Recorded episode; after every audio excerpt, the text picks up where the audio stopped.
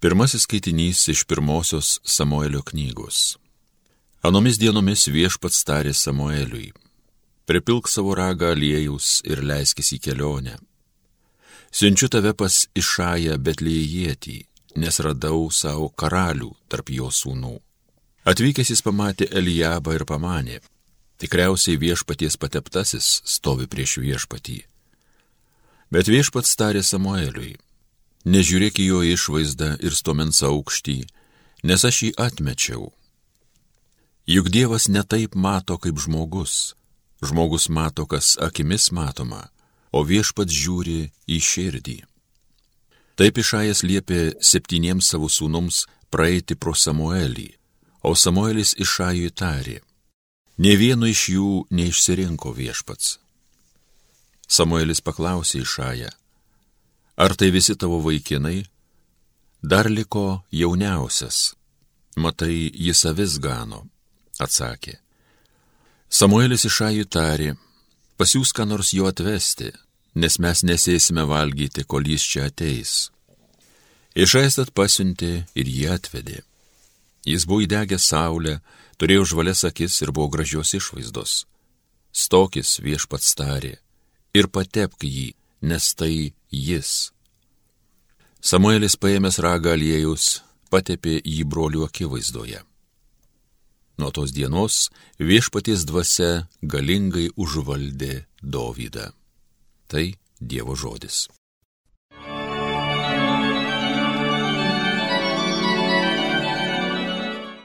Viešpats ganytojas mano, man nieko nestinga. Viešpats ganytojas mano, man nieko nestinga, žaliuose lankose mane paguldo, prie ramių tvenkinių mane gano, jis atgaivina mano gyvybę. Viešpats ganytojas mano, man nieko nestinga. Teisumo takais mane veda, kaip ir dera jo vardui. Neteidamas lėnių tamsiausių, aš nebijosiu jokio pavojaus, nes tu su manimi nuolat būsi. Tu Ganytojas, tavo lasda ir vėzdas, jie mane gina. Viešpats ganytojas mano, man nieko nestinga. Tu padengi man stalą, mano priešų matomoj vietoj, dosniai patepi man galvą aliejais, pripili sklidina taurę. Viešpats ganytojas mano, man nieko nestinga. Tavo gerumas ir ištikimoji meilė lydės kiekvieną mano gyvenimo dieną. Viešpaties namuose visada aš gyvensiu. Viešpats ganytojas mano, man nieko nestinga.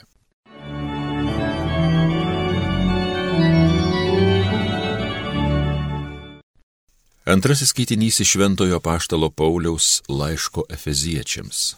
Broliai ir seserys, kadaise jūs buvote tamsa, o dabar esate šviesa viešpatyje. Tad elkitės kaip šviesos vaikai O šviesos vaisiai reiškiasi visokiojopų gerumu, teisumu ir tiesa.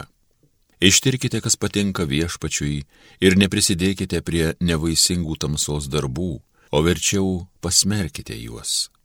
Nes ką jis lapčia daro, gėda ir sakyti. Bet visa, ką šviesa smerkia, tampa regima, o kas tampa regima, yra šviesa. Todėl sakoma, pabus, kuris miegi, kelkis iš numirusių ir apšvies tave Kristus. Tai Dievo žodis. Šlovėtau Kristau, amžinasi žodį. Aš pasaulio šviesa, sako viešpats, kas seka manimi, turės gyvenimo šviesą. Šlovėtau Kristau, amžinasi žodį. Pasiklausykite šventosios Evangelijos pagal Joną. Eidamas pro šalį Jėzus pamatė žmogų aklą nuo gimimo dienos.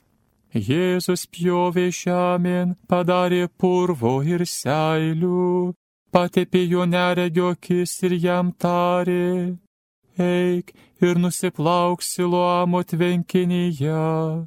Išvertus, siluamas reiškia pasiuntinys tasai nuėjo, nusiplovė ir sugrįžo regintis.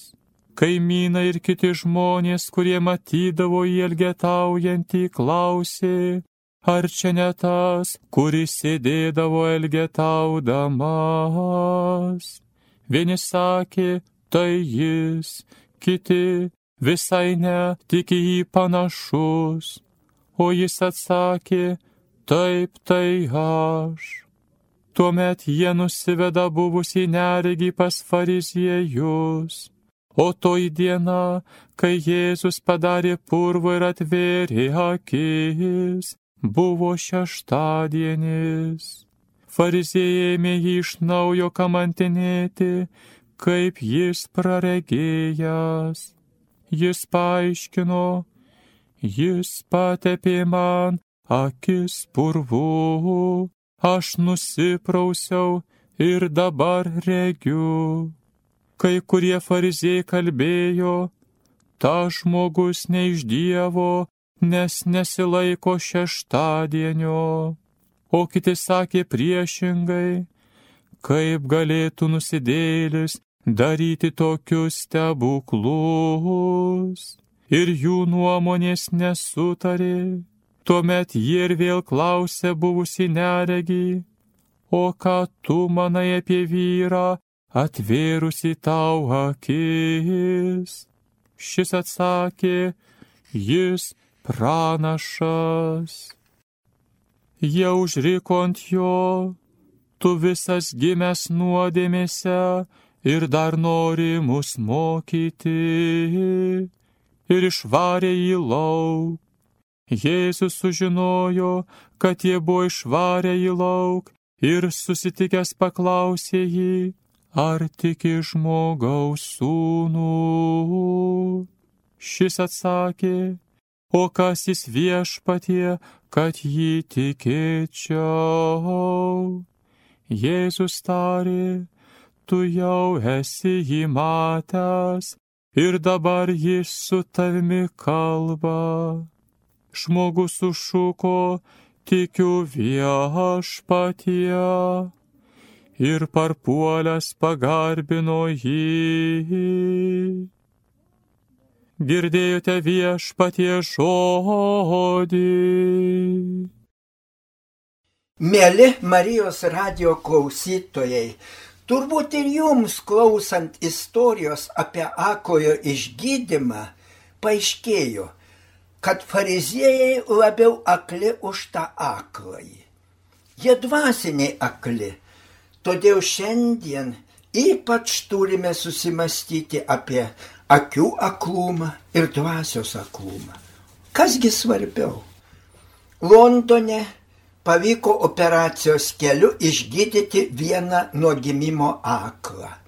Galima tik įsivaizduoti, kokia tai nuostabi dovana 18-mečiui. Užpuolė į žurnalistai, kokį jis rado pasaulį Ar tokį jis įsivaizdavo? Gal jis gali papasakoti apie savo džiaugsmą? Kokie jau buvo pirmieji jausmai?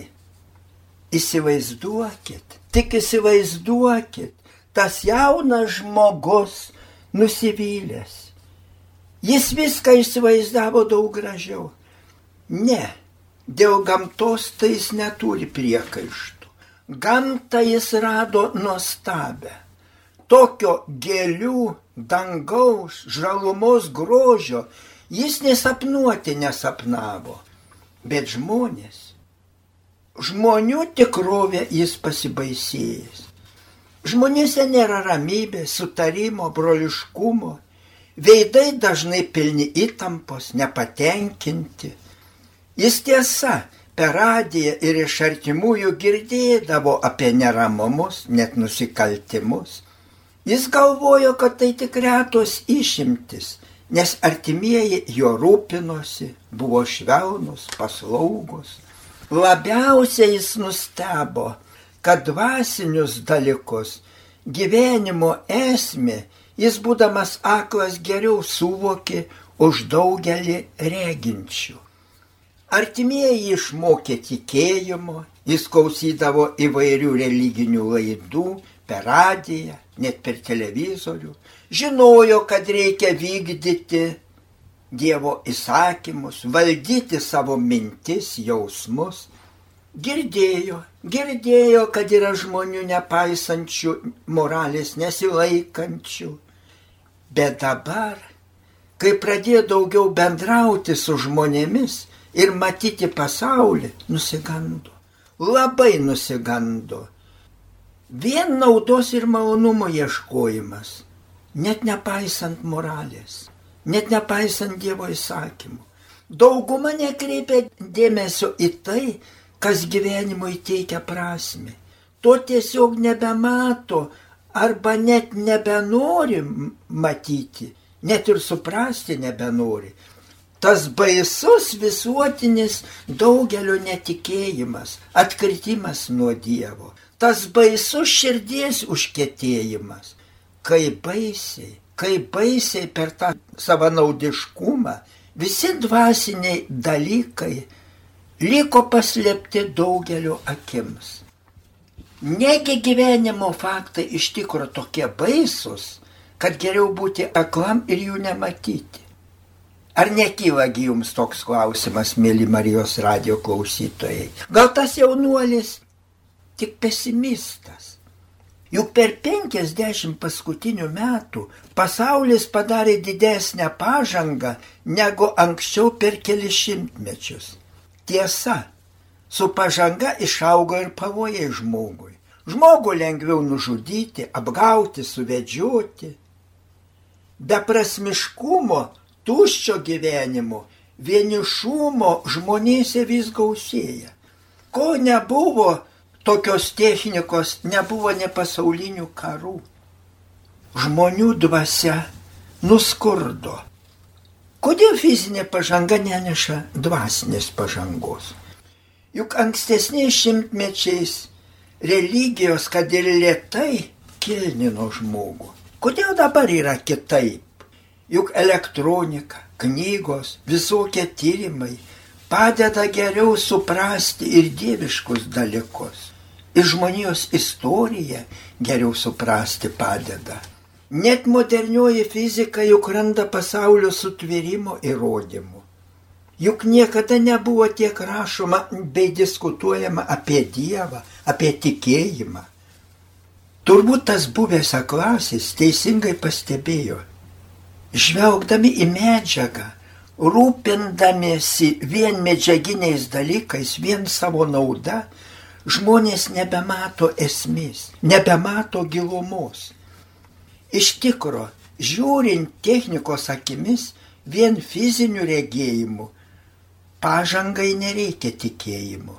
Daugelis ir sako, kam reikia tikėjimo atomo tyrimams, fizikai, kam reikia tikėjimo, kam reikia tikėjimo tikimybių teorijai, automatizacijai, ekonomikai.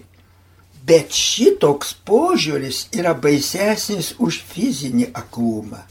Visa, kas kuriama be maldos, tikėjimo ir moralės, neša pražūtį. Juk atomų ginkluoti žmonės, jei be moralės, jau gali pražudyti visą pasaulį. Gali jį tiesiog sunaikinti su atomu. Bet tai jau dvasinis aklumas. Ir jį reikia daugiau gydyti negu fizinį aklumą. Mėly Marijos radio klausytojai, kaip tas aklasis Taip ir mes prašykime Dievą, kad gydytų taip dažnai dvasia aklą žmoniją. Šventasis Paulius sako, jūs dabar esate šviesos vaikai. Kiekvienas tikintis yra pašauktas būti pasaulio šviesa. Ir pasitikėkime, pasitikėkime, nepraraskime vilties, Nes kai šviesa susiduria su tamsa, visada nugali šviesa. Turi nugalėti šviesą. Kai esame šviesioje patalpoje, o už lango tamsa, jei atidarysime visus langus ir duris, argi įsiskverbs į kambarį tamsa, ar pakenks šviesai. Ne, ne. Arba atvirkščiai.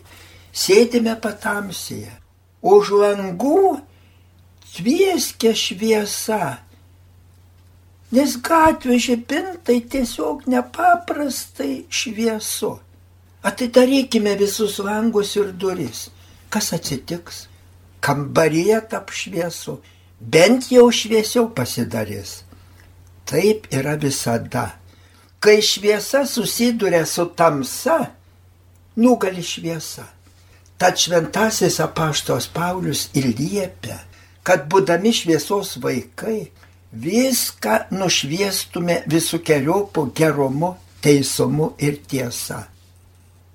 Kartą vieno miesto gatvėje jaunuolis su kišeniniu veidrodėliu siunčia saulės spindulius į palėpės langą.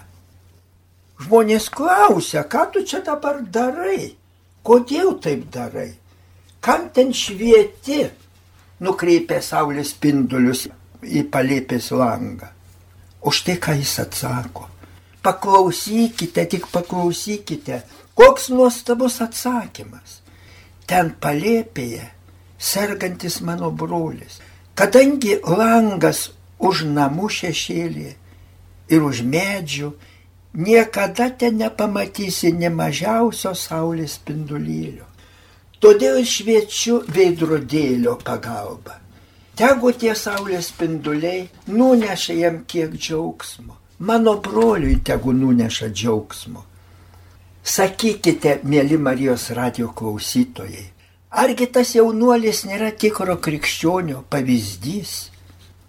Juk kiekvienas tikras tikintis, kiekvienas tikras krikščionis, dangiška šviesa pripildė savo gyvenimą, savo dvasę, šviečia savo gerais darbais pasaulio tamsumose. Džiaugiuosi, tikiu, žinau, kad taip šviečiate jūs, mėly Marijos radio klausytojai. Amen.